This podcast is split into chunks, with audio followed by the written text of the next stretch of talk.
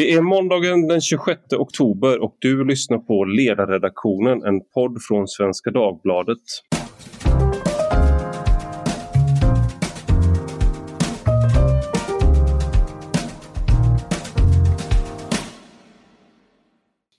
Och idag har jag med mig Ulf Bjereld, statsvetarprofessor som har skrivit en essä ihop med Marie Demker som är, också är professor. Eh, och de har skrivit en liten essä för Timbro som heter Sanningen som politiskt slagfält. Och den ligger väldigt väl i tiden får man säga nu när presidentvalet i USA eh, vilar, är runt kröken. Eh, och de inleder också med att beskriva Trump och har en siffra på hur många fel som Donald Trump faktiskt eh, har fått ur sig. Och det jag tror jag det var efter drygt tre år som president har han framfört 18 000 felaktiga eller vilseledande påståenden, skriver ni. Eh, så välkommen Ulf Bjäreld!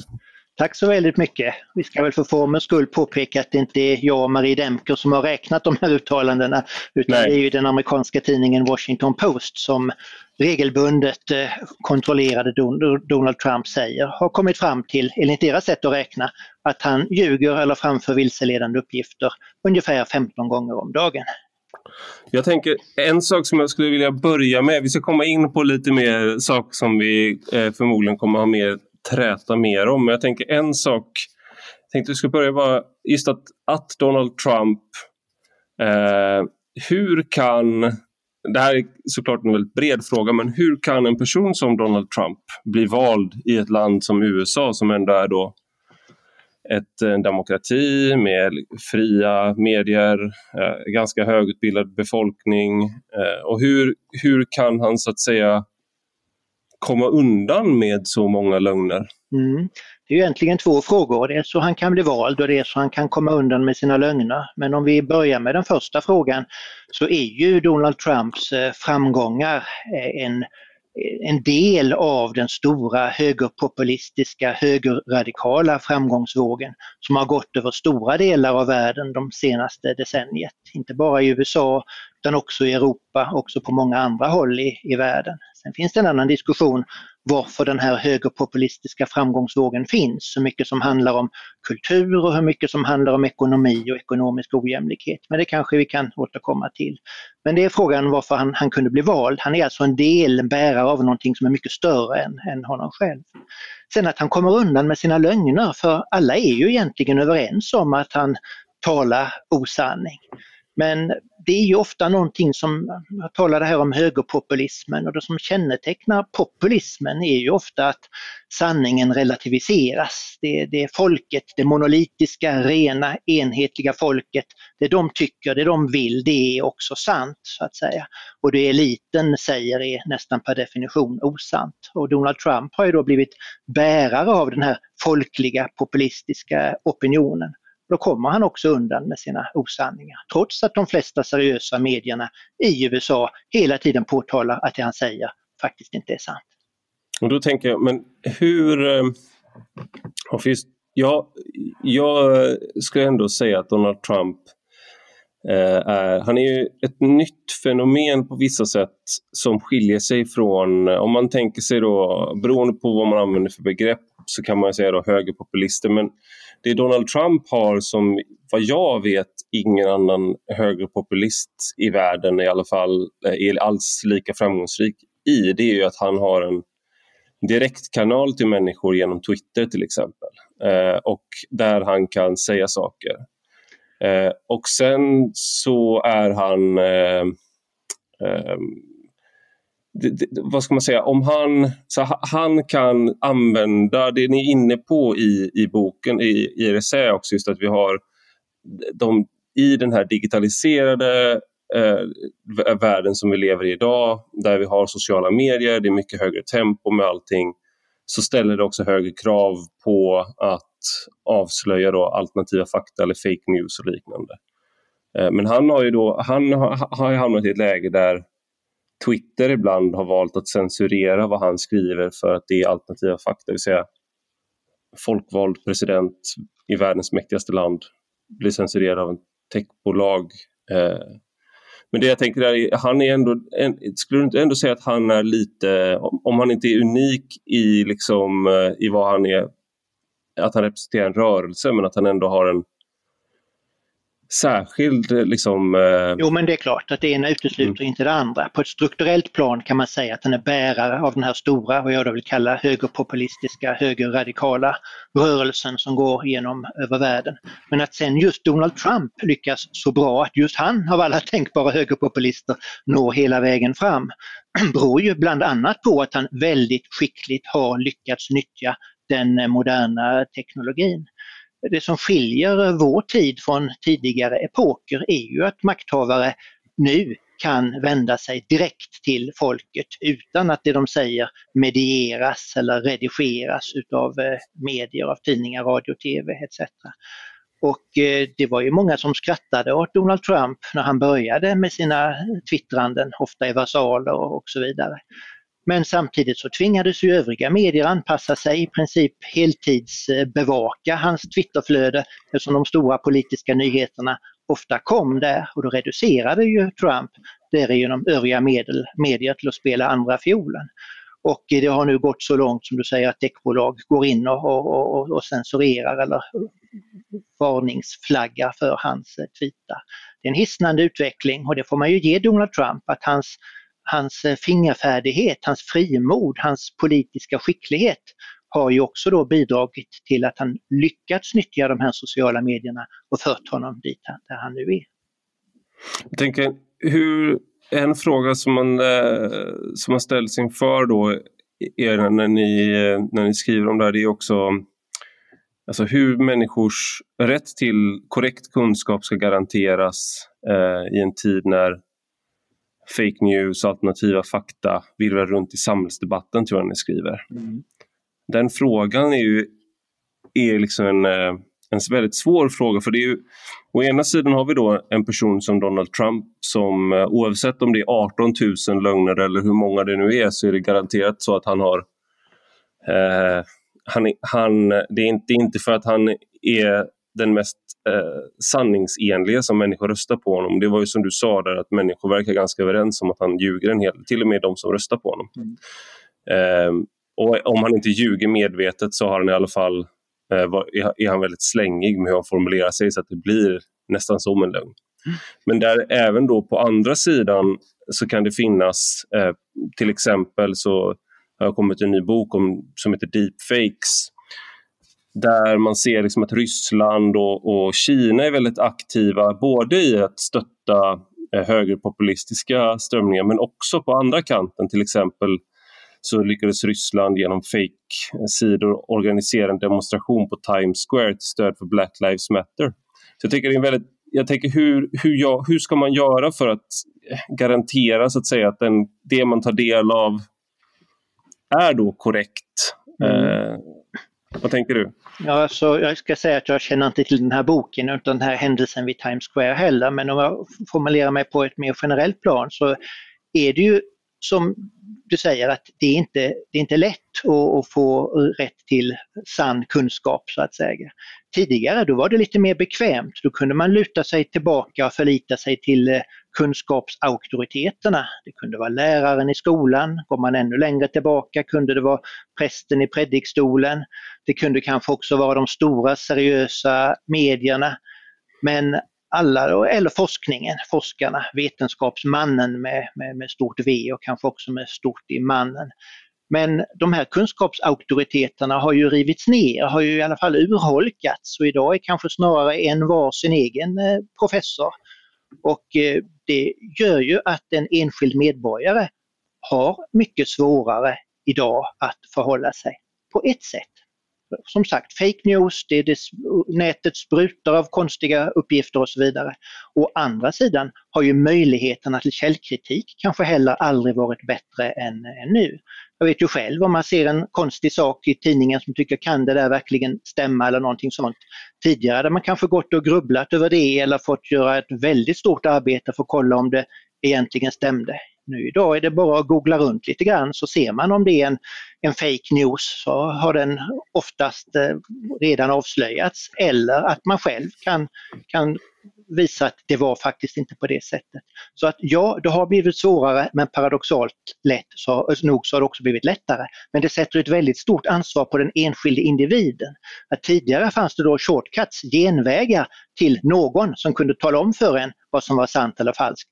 Då måste den enskilde medborgaren göra det jobbet själv. Då kan man ju gå över och prata ojämlikhet om man vill, för det är klart att intellektuella, välutbildade personer som är vana att tänka källkritiskt får ju då ett försteg medan medborgare som inte har de erfarenheterna eller de egenskaperna eh, får det mycket svårare.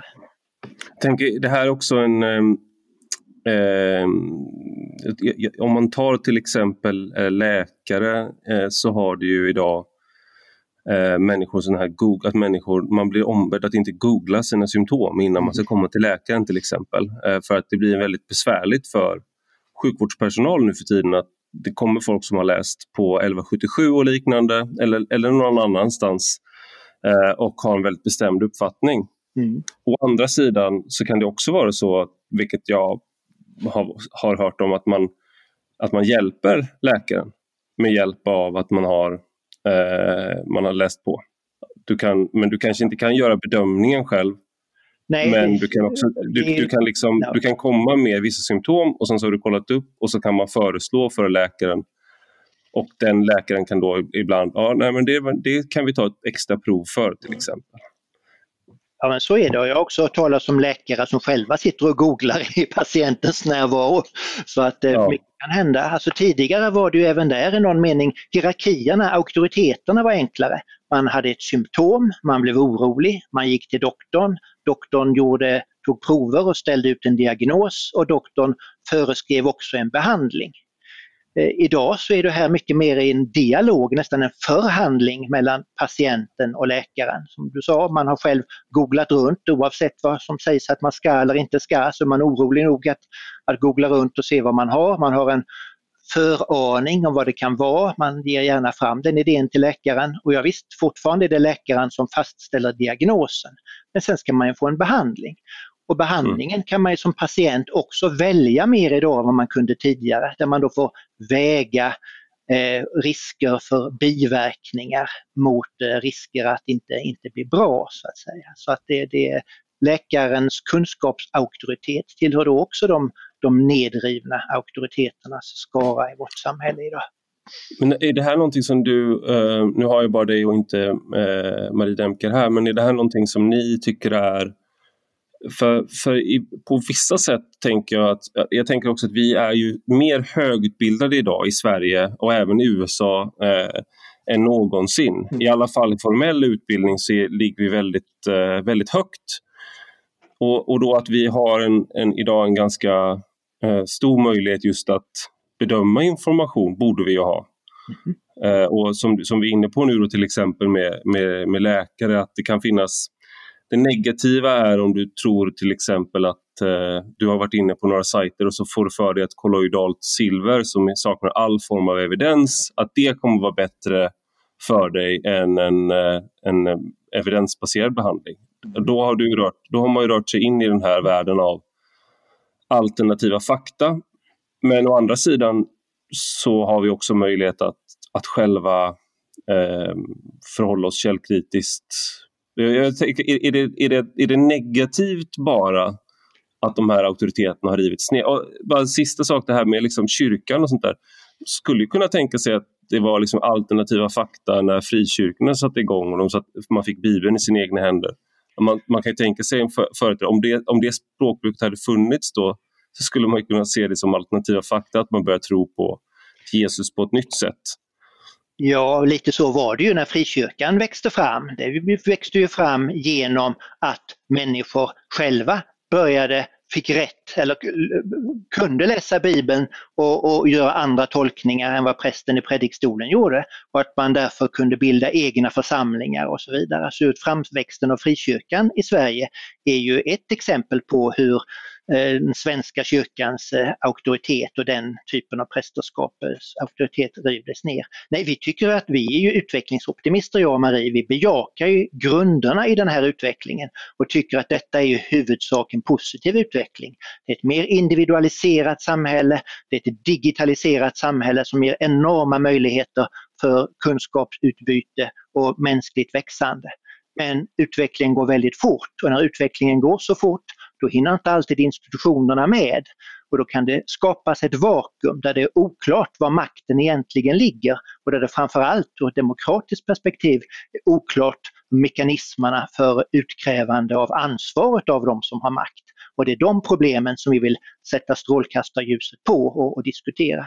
Men själva utvecklingen med digitaliseringen och auktoriteternas nedrivande är vi i grunden positiva till. Det skrev vi också om i en bok som kom för några år sedan som hette 1968 när allt började som kom ut på Hjalmarsson och Högberg förlag och som eh, just skildrar de här 50 åren som har gått lite drygt sedan auktoritetsupprorens 1968.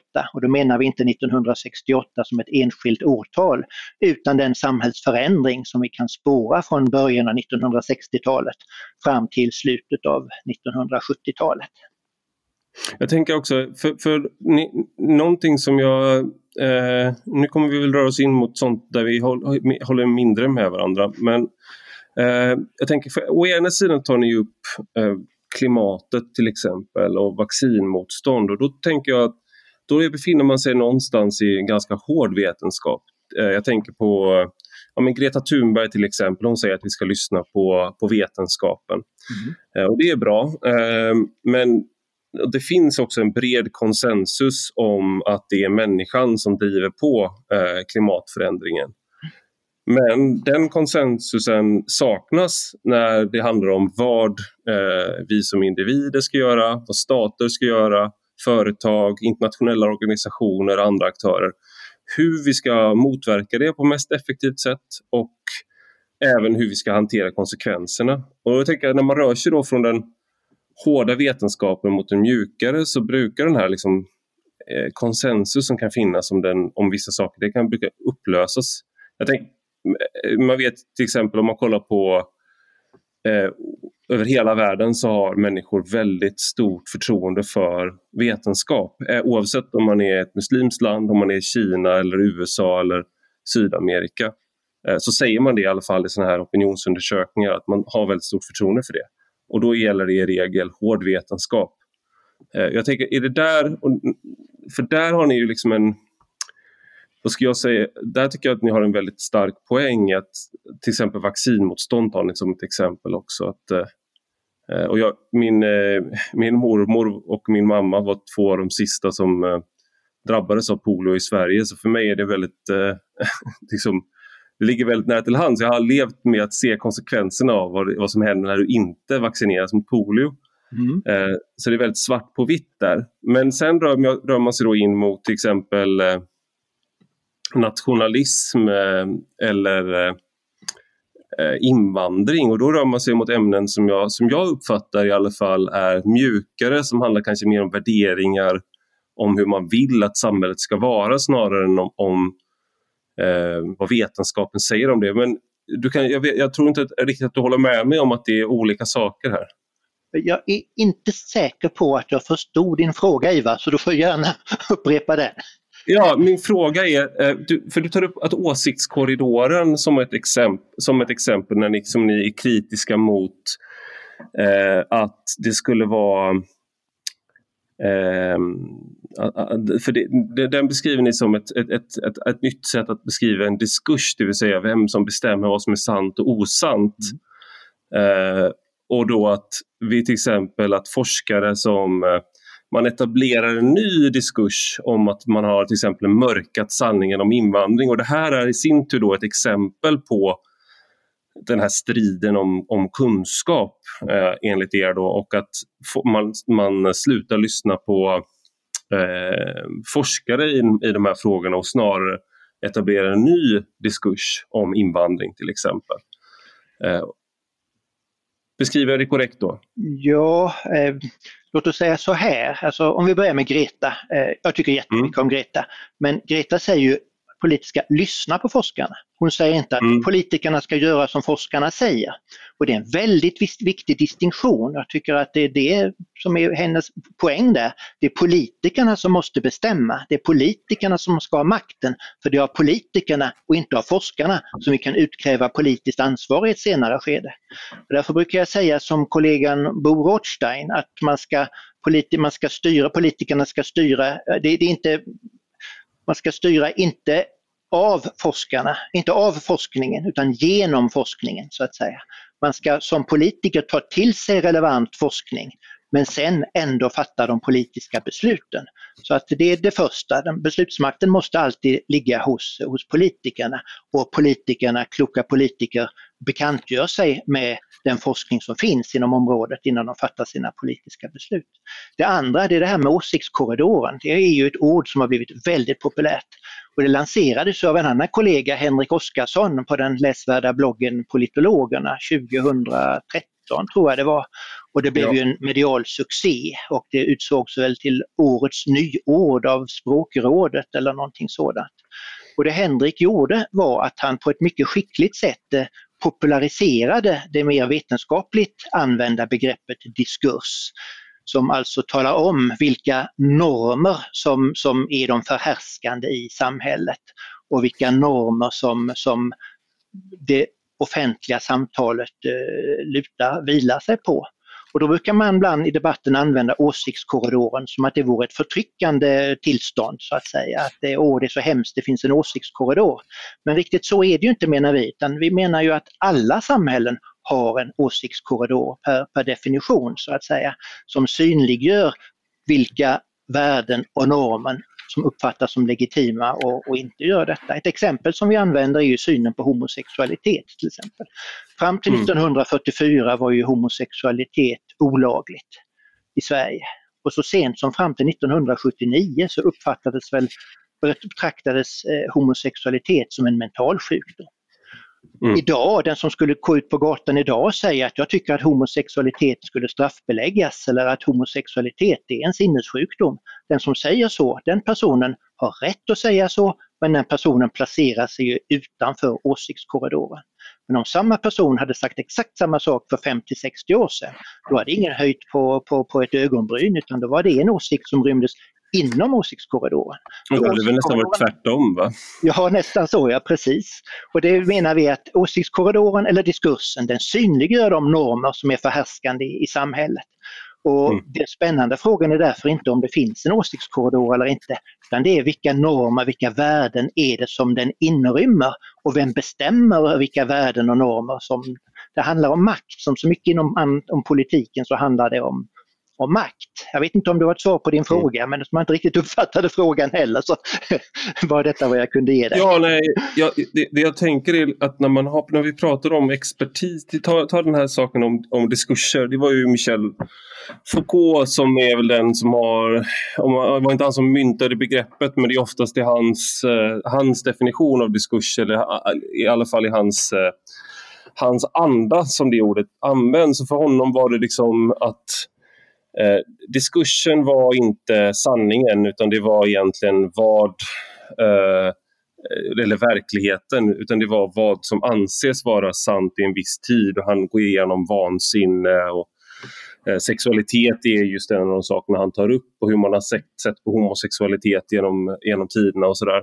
Men en, en skillnad som jag uppfattade jämfört med åsiktskorridor är väl också att eh, för Foucault så skulle det ha varit att Eh, om någon skulle sagt till honom att ja, men inom den här diskursen så tillåts man inte säga det som är sant. Då hade Michel Foucault nog sagt att det där är en, det där är liksom en eh, non, nonsens eh, att säga för att eh, det finns inte liksom en, en diskurs utanför diskursen där riktigt. Utan det, det handlar, medan en åsiktskorridor när Eh, Henrik Ekengren Oskarsson etablerade det som jag uppfattade skillnaden där är ju att där fanns det legitima uppfattningar eller till och med forskares uppfattningar som inte rymdes innanför åsiktskorridoren. Om vi då tar då invandringsdebatten som ni tar upp, eh, Anna Hedenmo och Jörgen Wittfeldt i er essä, eh, då ställde de ju eh, de, de, Anna Hedenmo skrev så här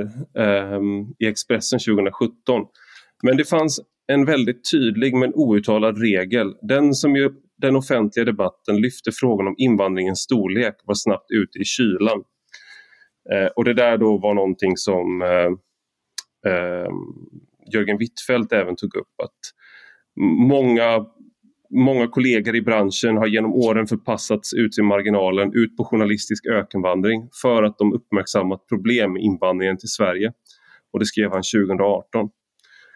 Eh, och då, det där tar ni upp då som ett exempel. De försöker ju påtala just hur egentligen åsiktskorridoren har förflyttat sig när de skriver båda två. Eh, men ni är kritiska till att, de, att det är en korrekt beskrivning av eh, åsiktskorridoren så att säga. Ja, om vi börjar med Foucault. Hade jag varit programledare i Sveriges Television hade jag kanske nu sagt att nu är ju inte Foucault här och kan försvara sig. Men nu är jag inte det, så jag behöver inte säga detta. När det gäller Anna Hedenmo och Jörgen Wittfeldt så går vi inte i polemik med dem, utan de har rätt till sina uppfattningar och, eh, och, eh, och sina bilder. Utan det vi gör är att vi använder dem ett exempel, som ett exempel på journalister som själva tar steget fram och säger att eh, det har mörkats. Detta är, här finns en åsiktskorridor där, där legitima uppfattningar inte, inte, inte ryms inom. Och det vi gör är att vi då visar en motbild, att den bild de säger Hvitfeldt eller i alla fall Hedenmo säger ju att, eh, att eh, det gick inte Eh, och ge en negativ bild av, av invandringen i medierna utan att förpassas ut i kylan.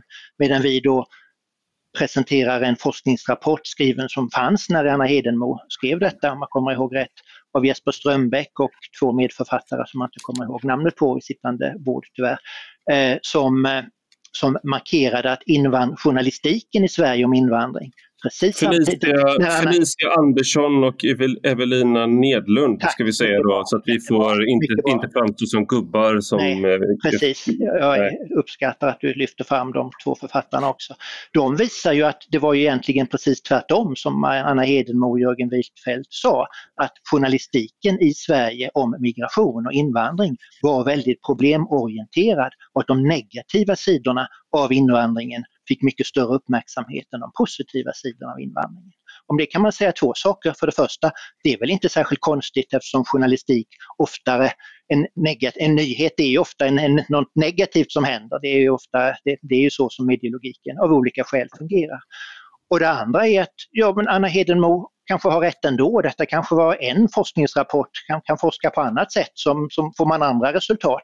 Det var inte vår, vår poäng om Anna Hedenmo skriver det explicit med att om Anna Hedenmo har rätt eller fel, utan hon blir istället bärare av den här känslan av att uppfattningen att det har mörkats och då använder vi henne därför som ett exempel. Och genom att ställa det mot den här forskningsrapporten så visar vi också att sanningen inte är så enkel som hon säger.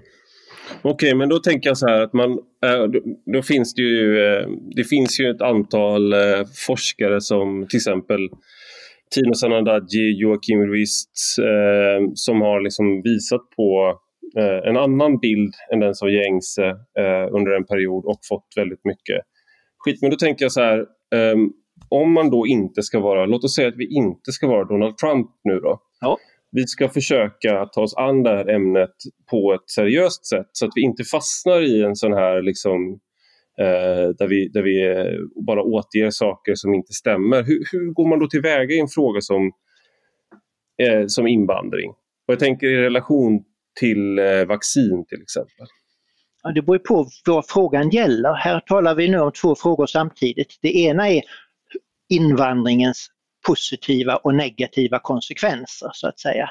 Där, kan, där behövs förstås mycket forskning som säkert kommer att ge mångtydiga svar eftersom det inte är en, man inte kan mäta konsekvenser av invandring med den grad av exakthet som man kanske skulle vilja i så fall. Så att, men så mycket forskning som möjligt kring, kring det temat. Det är det ena. Men den andra frågan är ju mediebilden av invandringen, om den är Eh, entydigt negativ eller entydigt positiv och, och, och, de redaktionella normer och rutiner som kringgärdar den. Så att det är egentligen två olika saker som vi, som vi pratar om, om där. Och sen när det gäller vaccinet får man väl säga att även om det är en medicinsk vetenskap så är det, finns naturligtvis legitima olika uppfattningar där också. Vi hade ju sorgliga efterspelet till massvaccineringen mot svininfluensan som så många människor därefter drabbades av, av, av svåra biverkningar. Så att eh, det, även om forskningen är, är, är med så finns det ju sällan några entydiga sanningar utan forskningen kännetecknas bland annat av att man omprövar tidigare sanningar och omprövar forskningsresultat. Inte så att allting går en cirkel utan kanske möjligen en uppåtgående spiral istället. Jag tänker för att i, om man tar vaccin just så finns det ändå, okay, där, där är det ju, det finns ju så att säga en inslag av hård vetenskap och inslag av mjukare vetenskap. Till exempel då att vi i Sverige gjorde en maxvaccinering eh, som ledde då till eh, att en del insjuknade i narkolepsi till följd av det. Eh, men och det där kommer kanske få konsekvenser för hur många som är villiga att vaccinera sig mot eh, covid-19 när det blir aktuellt. Eh, så det är den mjuka delen. Den hårda delen har att göra med liksom vad, eh, så att säga, hur ett vaccin fungerar och där man kan kolla på vad har hänt med antalet dödsfall till följd av mässling, kikhosta, vattkoppor och hur många som insjuknar i, i polio och liknande efter att man introducerade vaccin. Och man kan, det finns väldigt tydlig statistik på det. Och jag tänker det, det där var ju liksom, det var ju anledningen till att eh, så läkare och annan hårdvetenskap tog, tog sig framåt var ju inte för att de övertygade sina eh, meningsmotståndare om, om sina argument utan för att de kunde också visa konsekvenserna av av det. Ibland tog det längre tid än vad det borde ha gjort. Eh, men, men jag tänker där finns det ju, alltså det till exempel att man upptäckte att eh, att apelsiner kunde hjälpa mot skörbjugg på långa, eh, långa seglatser. Även om man visste det, även om man informerade Ostindiska kompaniet om det, så dröjde det länge innan det blev standard att man skickade med eh, citrusfrukter. Men min poäng är, men när det gäller till exempel då invandring så undrar jag, där är det ju eh, egentligen också en fråga om eh, tycke och smak någonstans, eller värderingar. Så hur, hur eh, bekväm är du med att eh, den här invandringen är så här stor och, och att det kommer kanske eh, ja, man kanske skulle kunna komma fram till att det är en kostnad. Man skulle kunna komma fram till att det är en vinst. Nu lutar de flesta åt att det är en kostnad åtminstone på de offentliga finanserna. Eh, så då skulle man kunna säga okej, okay, men är du okej okay med det? Tycker du att det är bra det vi gör? Och där rör vi oss in i en värderingsfråga till skillnad då från vaccin till exempel, att du kan se att eh, barn, barn slipper ha mässling eh, idag. Alltså alla forskare har ju sina värderingar och då brukar man säga från forskarsamhällets eh, sida att man får gärna välja forskningsämne baserat på sina värderingar. Tycker man att invandring är jättepositivt eller att man tycker det är jättenegativt och därför vill forska om invandring så är det helt okej. Okay.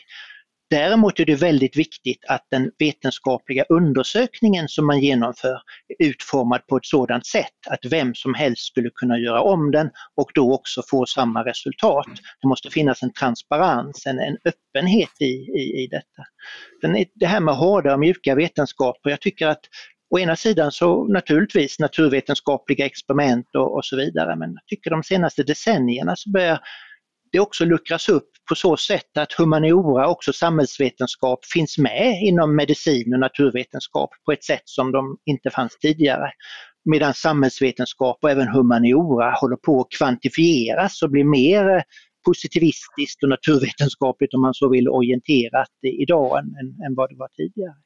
En annan intressant sak är ju hur politikerna då förhåller sig till vetenskapen, forskningen. För en annan sak som vi tar upp i essän är ju vad vi kallar för jag tycker ändå-syndromet. Det brukar vi ibland då illustrera med Morgan Johansson, justitieministern, som en gång fick frågan om, av en väl påläst journalist och jag tror att journalisten sa ungefär så här, ja men Morgan Johansson sa han, nu vill du höja straffen för att minska brottsligheten. Men en majoritet av kriminologerna menar ju att det finns vetenskapligt stöd för att stränga straff inte har en signifikant inverkan på brottsligheten, inte minska brottsligheten. Varpå Morgan Johansson omedelbart sa, nej men jag tror ändå att. så att säga. Morgan Johansson mm. avfärdade forskningsresultaten för han tyckte ändå att det Morgan Johansson borde ha sagt, tycker vi, det är kanske att sagt ja, det kanske är så att strängare straff inte avskräcker från brott i de allra flesta fall. Men det finns andra skäl till att stränga brott, äh, ha skärpta straff. Man kanske vill ha skärpta straff för det allmänna rättsmedvetandets skull, att man av moraliska skäl tycker att denna brottsliga handlingen varit så svår så att den borde ha ett riktigt strängt straff. Men då ska man kanske säga det och inte istället bara säga jag tycker tvärtom än vad forskningen säger. Det ser vi också i en del andra ämnen med skolbetyg och pedagogik och så vidare. Eh, eh, här, nu, det här är en del att packa upp så att säga, men jag tänker en, en sak med Morgan, jag är inte Morgan Johanssons största fan, men man skulle kunna tänka sig att det finns i det läget att eh, var problemet att han inte hade tillräckligt med eh, med tid att sätta sig in i vad, hur forskningen såg ut. Och han måste svara på stående fot. Det vill säga var det en, Ehm, ett problem att han inte sa ah, till exempel att han hade kunnat ge ett bra svar på det om han hade satt sig in, haft tid att sätta sig in med sina medarbetare i frågan. Eh, och jag skulle väl hävda att när det gäller, eh, när det gäller just strafffrågan så är det ofta eh, alltså Bo Wenström, polisforskare, han hävdar ju till exempel att den frågan i sig är felställd, att man ska motverka brottsligheten med hårda straff, att det är alldeles för brett. Det är en för bred fråga. Liksom. Eh, om du kollar på enskilda individer så kan du, kan du argumentera för att den här individen, eh, den personens kriminalitet kan du motverka med att ge den personen ett hårdare straff. Däremot, så då är du inne på liksom att aha, eh, var det ett uttryck för att han inte hade tid att sätta sig in i stunden? Eller var det ett uttryck för att han inte bryr sig om fakta? Jag tror, att, Morgan, ja, jag, förstår. jag tror att Morgan Johansson är inne i en politisk logik som allt för många politiker oavsett politisk färg är inne i. Och Det är att alla argumenten måste tala för den egna saken. Istället för mm. att säga nej, det här, nej, jag tror inte att strängare straff minskar brottsligheten, men det finns andra goda skäl till att ha strängare straff. Då, skulle han, mm. då tycker han som många andra politiker att man försvagar den egna positionen. Alla argument måste tala för den egna positionen, annars hamnar man i ett strategiskt underläge. Och Det är en väldigt olycklig utveckling om det, när det politiska samtalet tar sig sådana polariserande och grovt förenklade riktningar. Men då är frågan, det, jag tänker, jag försöker fara efter här är lite att eh, jag undrar om man eh, väljer bort de experterna som man inte tycker gagnar den egna saken, om det är det Morgan Johansson gjorde här. Eller om det var att han i stunden eh, kände att han liksom stärkte sitt eget case genom att eh, säga det han sa. Ja, För att jag, jag tänk, ett, ett, problem här är ju liksom att om experterna, om man systematiskt väljer bort en vissa experter för att de inte kommer fram till rätt slutsatser så att säga. Ibland kan det ju finnas eh, exempel på när någon är en, en forskare är den ena politiska sidans eh, eh, gunstling under en period och sen så kommer deras nästa bok och så säger de någonting annat och då så blir det motsatt. Då blir det den andra sidan som nyss kritiserade den forskaren så ja. byter man liksom, så får man vara den andra sidans gunstling ett mm. tag. Och så kan det vara. Generellt skulle jag vilja säga politiker igen, oavsett politisk färg, är ofta lite osäkra på det här med forskningen. Varför det? Jo, för politiker vill ju gärna kunna kontrollera saker och ting. Och forskare i den fria forskningens värld kan man inte kontrollera. Och det gör att man är lite avvaktande. Å andra sidan vill man ju gärna som politiker ha stöd för den egna ståndpunkten från forskning eftersom forskningen har så hög status. Å andra sidan, som du säger, om forskningen då plötsligt ändrar sig eller kommer fram till en motsatt ställning, ja hur ska man då kunna motivera som politiker att man håller fast vid sin ståndpunkt? Och Det gör att forskningen behandlas eh, från politiskt håll Eh, lite, lite avvaktande. Alla bejakar den, alla vill ha stöd av den, men lite, lite orolig är man ändå som politiker av att grotta ner sig för mycket med forskaren just eftersom man inte kan kontrollera den, man kan inte styra den tänker, det är ett problem som många har på, påtalat är också att forskningen i sig är um, politiserar Inte bara då att man har kanske en politisk eh, sympati utan att man också vilka frågor man ställer. Till exempel då inom att man eh, inom kriminologiforskningen har man varit mer intresserad i Sverige av eh, vad som orsakar kriminalitet utifrån socioekonomiska faktorer än till exempel eh, individuella faktorer. Och det finns forskning där också men den har inte varit lika eh, har inte haft lika stort genomslag i samhället. Eh, och det där blir också då ett problem till exempel om man ska prata om, när du ska då rådfråga expertisen, att om det finns vissa frågor som man helt enkelt inte har besvarat av olika skäl, eh, så, så kommer man hamna i en eh, situation där man kanske anklagas just för att inte lyssna på experterna. Men om experterna inte har besvarat frågorna som är relevanta att ställa, då, då hamnar man ju i det läget så att säga. Tänker, vad, vad, vad, tänker du om det? Det vill säga inte bara, vem, inte bara den här diskursen eller åsiktskorridoren då, eh, utan också det som ligger, befinner sig utanför. Ja, det är en intressant fråga för vem ska ha makten att bestämma vilka frågor som är de relevanta att ställa? När du sa som du gjorde, då lät det på dig, jag vet att du kanske inte tänker så, men det lät så som att det är så självklart vilka frågor som är relevanta att ställa. Och det Nej, tvärtom. Ja, ja, okay. jag, tänker, jag tänker, låt som var det Mao som sa det, låt tusen ja, blommor blomma, ja, ja, okay. Ja. Eh, för det, det, det, det, är ett mänskligt drag hos oss alla människor att tycka att just det man själv tycker är, är viktigt, det, det, är också viktigt. Men eh, forskarsamhället är ju uppbyggt enligt Maus princip i detta låt tusen blommor blomma. Det är upp till forskarna själva att fritt välja forskarproblem och det finns en allmänt vedertagen uppfattning att, eh, att eh, staten och även andra aktörer ska bejaka denna, den, den, denna fria forskning. Och sen är det upp till forskarsamhället att leva upp till det, det ansvaret. Eh, och då kan man fråga vilka, vilka är de relevanta frågorna som forskarsamhället inte ställer sig? Och det är väl min erfarenhet skulle jag säga att det vet man först inte förrän i efterhand. För hade man vetat vilka frågor det var redan här och nu som man borde ha ställt, ja då hade man också ställt den. Det, det, det, det är min bild av, av hur så forskarsamhället fungerar. Det finns ju ofta från politikers håll en vilja att styra forskningen indirekt genom att säga att nu satsar vi extra på forskning om miljö klimatförstöringen. Vi satsar mm. extra forskning på invandring och, och migration och så vidare och så lägger man ut jättemycket pengar på ett forskningsprogram. Jag hade ju en tag stora eh, nöjet och uppdraget att vara ordförande för Vetenskapsrådets ämnesråd för humaniora och samhällsvetenskap. Och i den egenskapen så kunde jag se hur Vetenskapsrådet genomförde en pilotstudie där man såg vilka ämnen som forskarsamhället själv sökte sig till utan de här satsningarna. Och då visade ju denna pilotstudie att vetenskapssamhället själv kastades över uppgifter om klimatförstöring, forskning om invandring, forskning om migration och så vidare långt innan politikerna kom dit och sa det här är viktigt, det här måste vi forska om så att säga. Så att färre riktade forskningssatsningar från regeringens sida och fler öppningar för, för forskarsamhället att själv definiera vilka som är de relevanta frågorna. Det tror jag ändå är på sikt en, en framgångsväg. Sen kan det alltid finnas frågor som borde ha beforskats och så vidare men, men som sagt, vem ska, vem ska tala om vilka de frågorna är om det inte är forskarna själva som får formulera dem?